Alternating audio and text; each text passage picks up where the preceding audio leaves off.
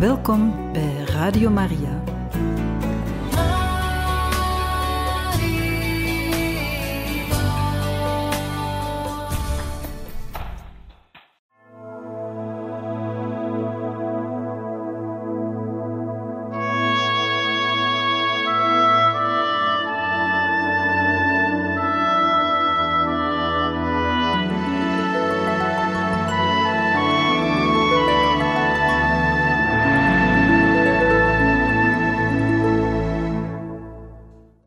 Gaan verder met Damiaan. Huwelijksleven, geboorte van Damiaan, van 1828 tot 1840. Mamère zorgde voor het inferno. Mamère was de oma. Ze was teleurgesteld in de keuze van haar oudste zoon. Cato was voor haar een lompe en onhandige boerendochter, goed om hard te werken. Alleen haar zoon telde voor haar en hem gaf ze de waardigheid van heer des huizes. Mamère liet laken pakken voor hem maken en trok met hem naar schoenmakers die zilveren gespen op het blinkende leer bevestigden. Ze was dezelfde hagelwitte kousen en bediende haar man en twee zonen. Die aten in een kamer apart. Hun tafel was met linnen, porselein en kristal gedekt.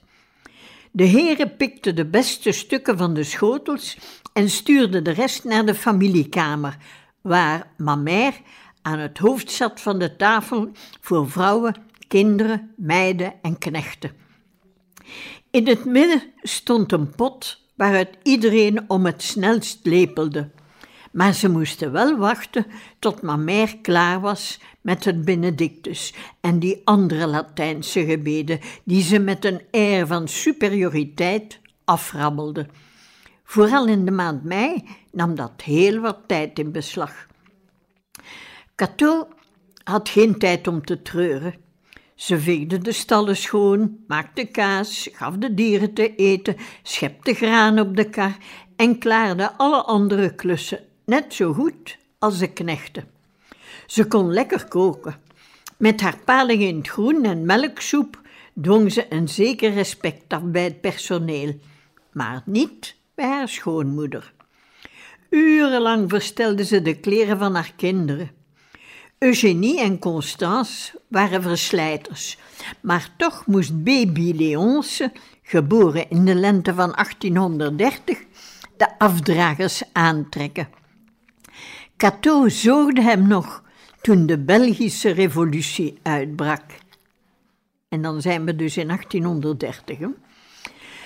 De revolutie begon in de zomer van 1830 met relletjes tussen Brusselse burgers en Nederlandse bezettingstroepen.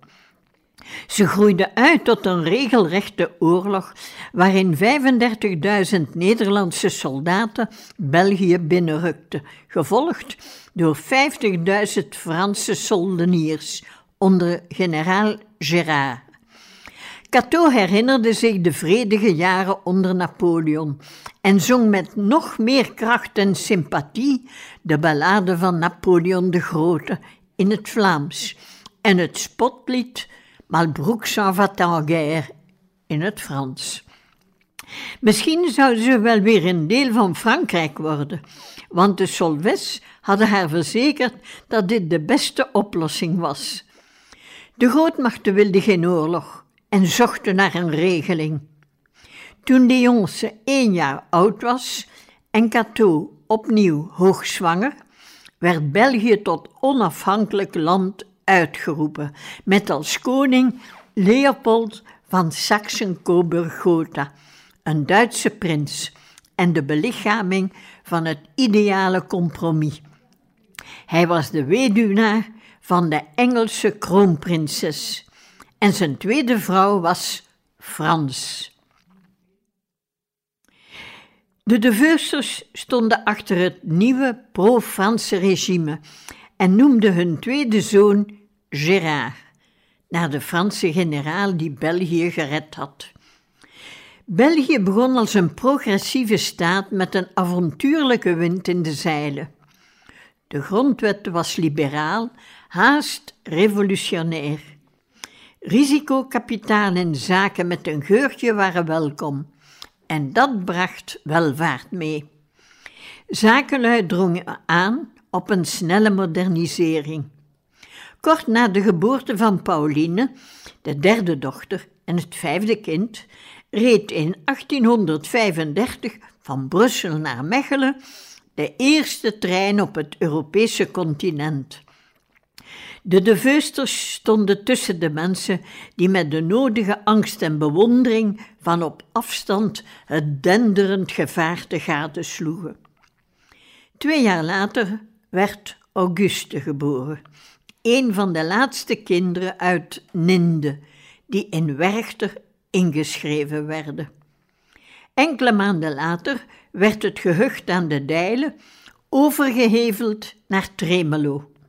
Dat gebeurde op verzoek van enkele inwoners van Ninde, onder wie de De Veusters.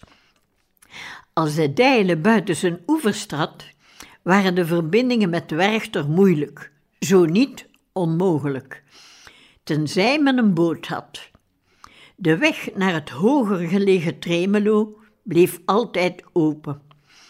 Tegenstanders van de overheveling argumenteerden dat Ninde tot de rijke Dijlenvallei behoorde, terwijl Tremelo op de hoger gelegen zandvlakte lag. De inwoners van Tremelo waren armer en in de afgelegen gehuchten liepen zuippartijen vaak uit op ongemeen bloedige vechtpartijen. Tremelo was het oord der messenvechters. Niet iedereen in Ninde wilde die bijnaam. Voor de familie de Veuster was het een goede zaak, want Jacob, de jongere broer van Frans, werd tot burgemeester van de nieuwe gemeente benoemd. Deze bijzonder zwaar gebouwde man, hij woog zowat 150 kilogram, was populair, omdat hij alleen al met zijn gewicht vechters uiteen kon drijven. In 1839 waren Frans en Cato tien jaar gehuwd. Ze hadden drie dochters en drie zonen. Hun huwelijksleven verliep nogal vlak. De hardwerkende, zwijgzame Frans kropte alles op. Hij deed zijn plicht en vroette. Als ontspanning trok hij zondags naar het café, las zijn krant of dutte naast de kachel. Cato was choleriek, een donkere vrouw met een donkere blik. Met haar schoonmoeder voerde ze een harde guerilla. Het was dan ook hoog tijd dat de drie gezinnen werden losgekoppeld. Ook Jacob was met vrouw en kinderen blijven inwonen. In 1839 had Frans voldoende gespaard om in Baksteen een eigen woonstop te trekken op een boogscheut van zijn ouders. Uit spaarzaamheid gebruikte Frans de nog solide muren van een bouwval als basis voor zijn huis. De 956 frank spaargeld die hij had, wilde hij niet spenderen aan zijn huis. Het, familie, het familiefortuin zat voorlopig nog bij Mamère. Daarom besloot hij de nieuwe woonst maar tot op anderhalve verdieping op te trekken. Hij voorzag een benedenverdieping met twee kamers, een leefruimte en een beste kamer. En een half verdiep met drie slaapkamers onder een schuin oplopend dak. Een luik moest toegang geven tot de zolder. In de herfst, nadat de nieuwbouw alles was ondergelopen, legden de de Veusters op de benedenverdiepingen, op de benedenverdieping, enkelvoud, een rode plavuizen vloer. Ze schilderden de muren wit en brachten bij de vloer een zwarte litmusplint aan om het vocht uit de muren te houden. Ook de schouw werd met litmus behandeld. Cato maakte vitrages van kaasdoek en hing witte gordijnen voor de ramen. Ze werkte uren aan de geplooide schouwgordijnen met een druk paarsblauw bloemenmotief. Toen Frans haar eens op een stoel zag staan om op de houten richel boven de schouw haar rijkdommen tentoon te stellen, vier tinnen twee koperen kandelaars en een grote spiegel, schold hij haar uit. Ze was hoogzwanger en kon maar beter in de rieten stoel bij het venster wat naaiwerk doen. Hij schoof er het tafeltje in Louis de vijftiende stijl bij. Dat was makkelijker werken dan aan de lange tafel met de opmerkelijk lage stoelen die in de familiekamer stond. De goede meubelen waren voor de beste kamer. Niet ver van de Leuvense stoof stond het kleine tafeltje waar Frans alleen at. Leonce en Gérard waren te klein en vrouwen hoorden niet bij hem aan tafel. Hij legde de belangrijke papieren, zoals rekeningen voor de molenaars, in de staande klok. Naast de Leuvense stoof stond zijn luie zetel, waarin hij na de hoogmis dutte. Olielampen verlichtten het huis.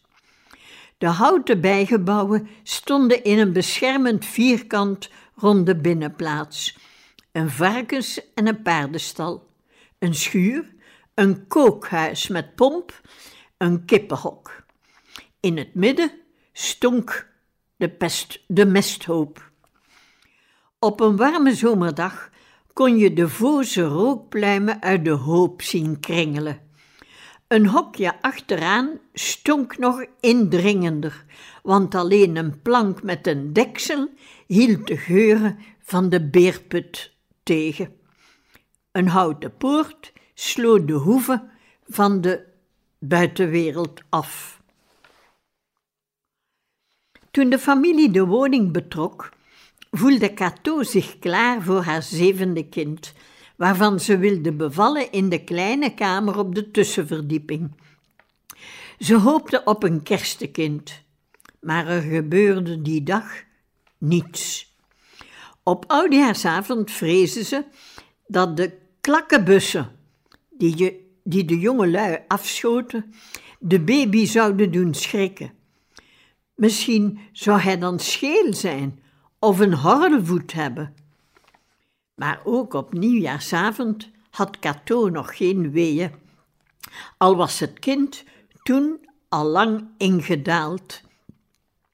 Ze hoopte dat ze niet op 3 januari zou bevallen, de verjaardag van de dood van haar zus Jeanne en haar kind. Die nacht voelde ze echter de eerste scherpe pijnen. Mamère en Cato's eigen moeder, Meke, kwamen toegesneld om te helpen. Ze staken de kaarsen aan die ze in Scherpenheuvel hadden gekocht en staarden wantrouwend naar de vlam. Als die zou flakkeren, zou het met de bevalling verkeerd lopen. Maar de vlam bleef mooi recht. Frans dronk in de beste kamer wittekes, op de goede afloop met Jacques Govaerts, de toekomstige Peter. Die had maar twee wensen. Hij hoopte dat het kind nog dezelfde dag gedoopt zou worden, want hij moest terug naar zijn graanhandel in Antwerpen. Hij wilde ook dat, als het een jongen was, hij Jozef zou heten. Toen er een gezonde, perfect gebouwde jongen geboren was, versierden Eugenie en Constance en andere vrouwen uit het gehucht een kar met kleurige linten. Aan pastoor Jean-Baptiste Schijs in Tremelo werd gemeld dat er een doop op komst was. De twee grootmoeders en de veertienjarige meter, Anne-Catherine van Tongelen, wikkelden de baby in warme dekens voor ze hem naar de kar droegen. Meter en Peter waren beide van Cateau's kant. Anne-Catherine was de dochter van kroegbaas Egide. Ze was even oud als Eugénie, Cateau's oudste dochter.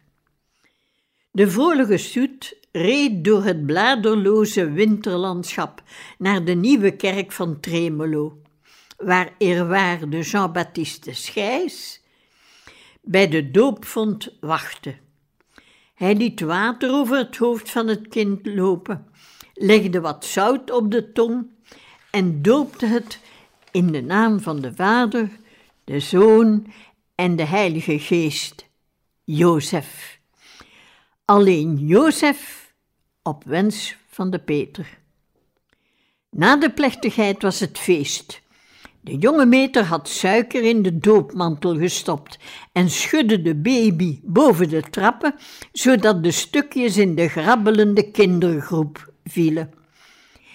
Enkele vrouwen keerden terug naar huis met de baby, maar de rest ging grif in op de uitnodiging van de rijke Peter. De bruine aarde fles bleef de minuscule glazen met jenever vullen en het gouden bier vloeide. Dat is het einde van het eerste hoofdstuk.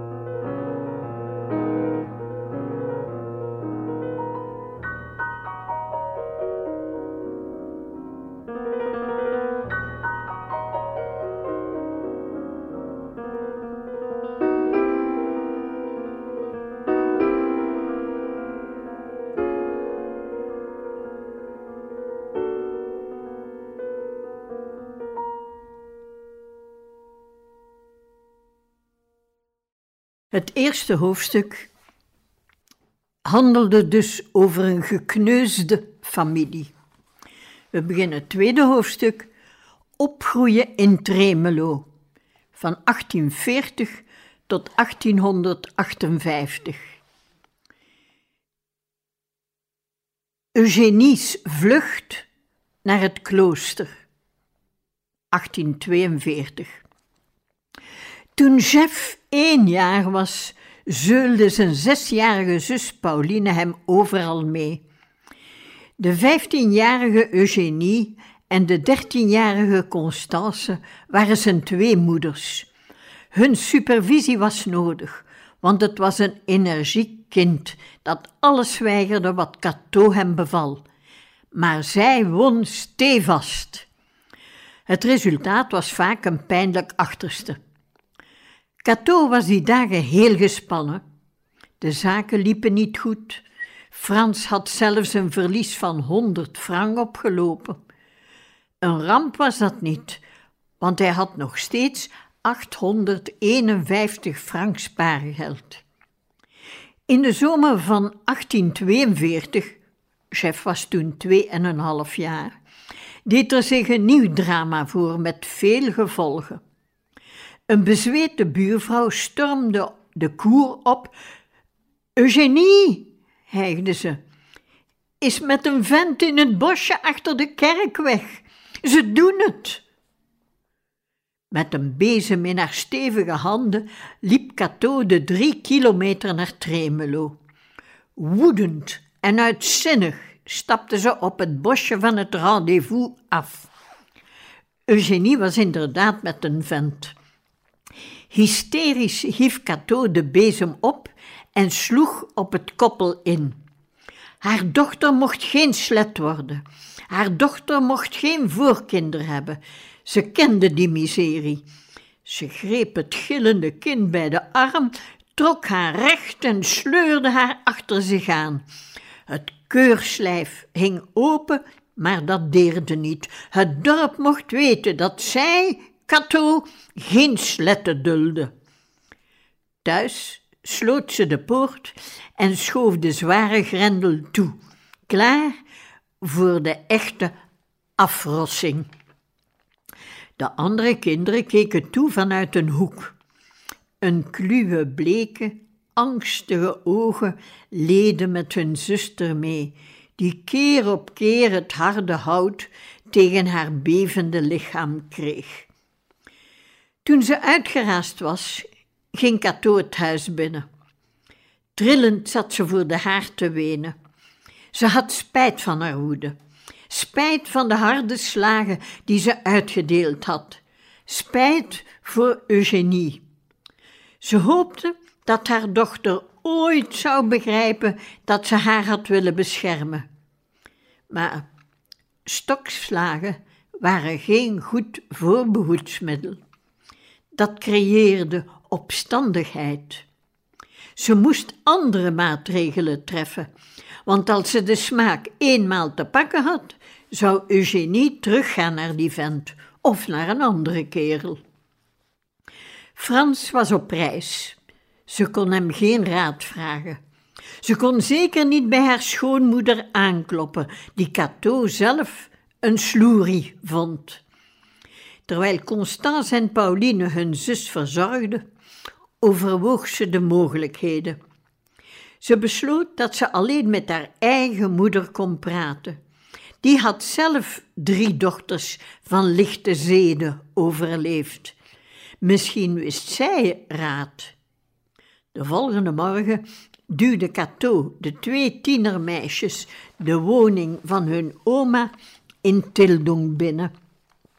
Daar tierde ze haar verslag. Meke, de grootmoeder, Meke stelde kostschool voor bij de Ursuline tegenover haar huis.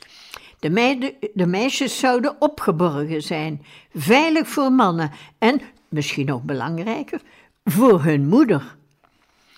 Achter de hermetische kloostermuren zouden ze een goede opvoeding krijgen. Ze zouden leren rekenen en leren Frans spreken en schrijven, zodat ze later als verkoopster of gouvernante aan de slag konden in de grote stad, ver van hun moeder. De vier vrouwen stapten de straat over, de kloosterpui op. Cato trok aan de zware bel. Een gerinkel weergalmde achter de grote deuren en stappen weer klonken op de wit-zwarte plavuizen.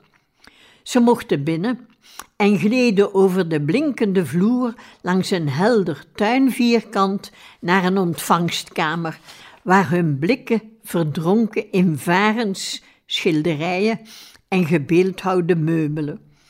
Ze hoefden elkaar niet aan te kijken. Moeder Overste begreep meteen het probleem. Ze zag de geslagen jonge vrouw, de gebeten moeder, de onwennige oma, de bange jongere zus en besliste dat de meisjes mochten blijven. Eugenie volgde de zuster zonder nog afscheid te nemen. Haar blik haakte zich vast in de kap die als een vogel in vlucht op het hoofd van de non stond. Zo hoefde ze niet naar haar moeder te kijken. Cato ging naar huis. alleen. Ze had spijt van haar woede-uitbarsting en vroeg zich af of ze juist had gehandeld. Tot haar opluchting was Frans het met haar eens.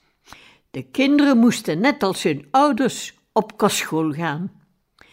Na enig cijferwerk besloot Frans de twaalfjarige Leonce en de tienjarige Gérard naar de Institution Solvay te sturen in Rebec, dat intussen een jongensinternaat was geworden. Cato zag met ledenogen de wagen met vader en zonen de binnenplaats uitrijden. Haar groot gezin schrompelde plotseling ineen tot drie kinderen: Pauline, Auguste en Jeff. Toen Cato haar dochters in augustus ging halen voor de zomervakantie, weigerde Eugenie resoluut mee te komen. Als zestienjarige volwassene had ze besloten in te treden. Cato vloog uit, maar stond hulpeloos. De kloostermuren werkten als een bastion. Zusters met havikkappen beschermden hun nieuw lid. Eugenie bleef achter en koos als religieuze naam zuster Alexis van het Heilig Hart. Ze vertrok naar Nederland, waar ze als, waar ze als missionaris les gaf. Constance vertrok in september naar de school van Eugenie in Nederland. In nachtgewaad naar de kerk, 1844. Cato was overmatig hard voor de drie jongsten, terwijl ze bij de buren pochte met haar dochter die non was en met haar drie kostschoolkinderen. Ze wist intussen ook dat ze opnieuw zwanger was. Ze naderde de veertig en besefte dat elk gezond kind dat nu nog komen zou, een gave gods was. Midden mei was de vooropgezette datum voor de bevalling en ze beloofde dat, als het kind gezond zou zijn, zij het aan Maria zou opdragen. Op 16 mei 1844 hield ze haar woord, al voegde ze er een tweede naam bij, Melanie. Marieke was op Hemelvaartdag geboren en Cato voelde zich op tweede Pinksterdag nog niet sterk genoeg om mee naar de processie en de kermis in Werchter te gaan. Ze droeg de negenjarige Pauline op om te zorgen voor Jeff, die toen vier was. Een zware taak, want Jeffke was zeer zelfstandig. De hele familie, onder leiding van grootvader Hendrik, zat tijdens de hoogmis bij de preekstoel, vlak bij Cato's stoel, met het groen fluwelen kussen. Haar koperen naamplaatje blonk. Na de mis zochten ze een plaatsje aan de straat om de processie te zien. En toen die voorbijgekomen was, begon de kermis. Het was een mooie, echt feestelijke dag, tot Pauline in het verwarde gedrum Jeff kwijtraakte. Ze waarschuwde Auguste, die naar Frans en Hendrik trok om ook hen te alarmeren. Gespannen en kwaad riepen ze zijn naam, maar het kind was nergens te vinden. Ze renden langs een zanger die de laatste moord in, Russel, in Brussel beschreef.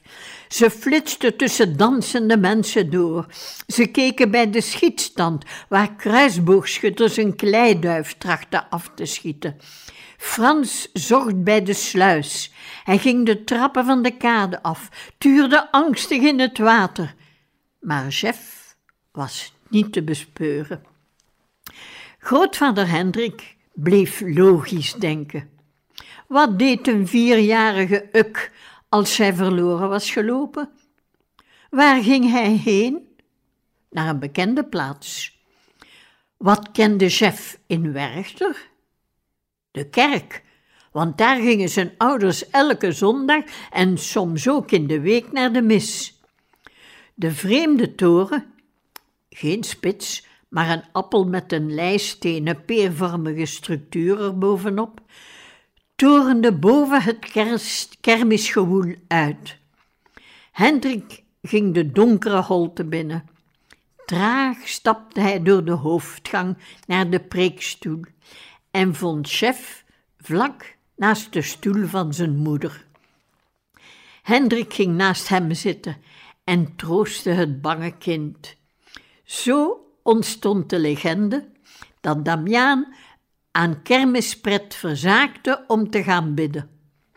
Of sterker nog, dat hij in het holst van de nacht in nachtgewaad naar de kerk van Werchter was getrokken.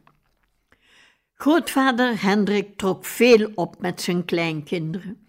Hij nam hen mee op lange wandeltochten door het uitgebreide gebied dat eigendom was van de De Veusters.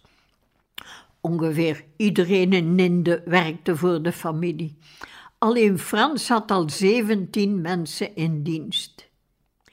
De zwarte schepershond Karzak, een herinnering aan het korte bezoek van de Kozakken aan Rebek, liep met hem mee. Hendrik toonde chef en zijn twee ongeveer even oude neven, Hendrik Vinks en Felix de Veuster, de wonderen der natuur.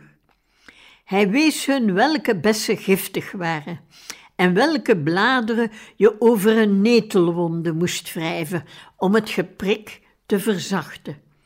Hij toonde hoe ze de paningvork moesten hanteren en hoe ze de drassige grond moesten openklieven om het gouden vlas te zaaien. Soms nam hij hen mee naar de schaapherders, want die wisten veel over dieren. Je luisterde het best goed naar hen. De jongens deden dat, want als ze braaf waren geweest, mochten ze op de oude knarren rijden. Voerman Bosmans trok nog steeds langs de hoeve om afgeleefde paarden op te kopen. De dieren graasden in de weide rond Ninde tot hun beenderen tot lijm gekookt zouden worden. Chef vond dat normaal. Hij wilde alleen maar paardrijden. Vooroverliggend, de rug van het stevige dier tussen de benen geklemd, hield hij zich aan de manen vast. Als hij geluk had, galoppeerde het paard in volle vaart door de wei.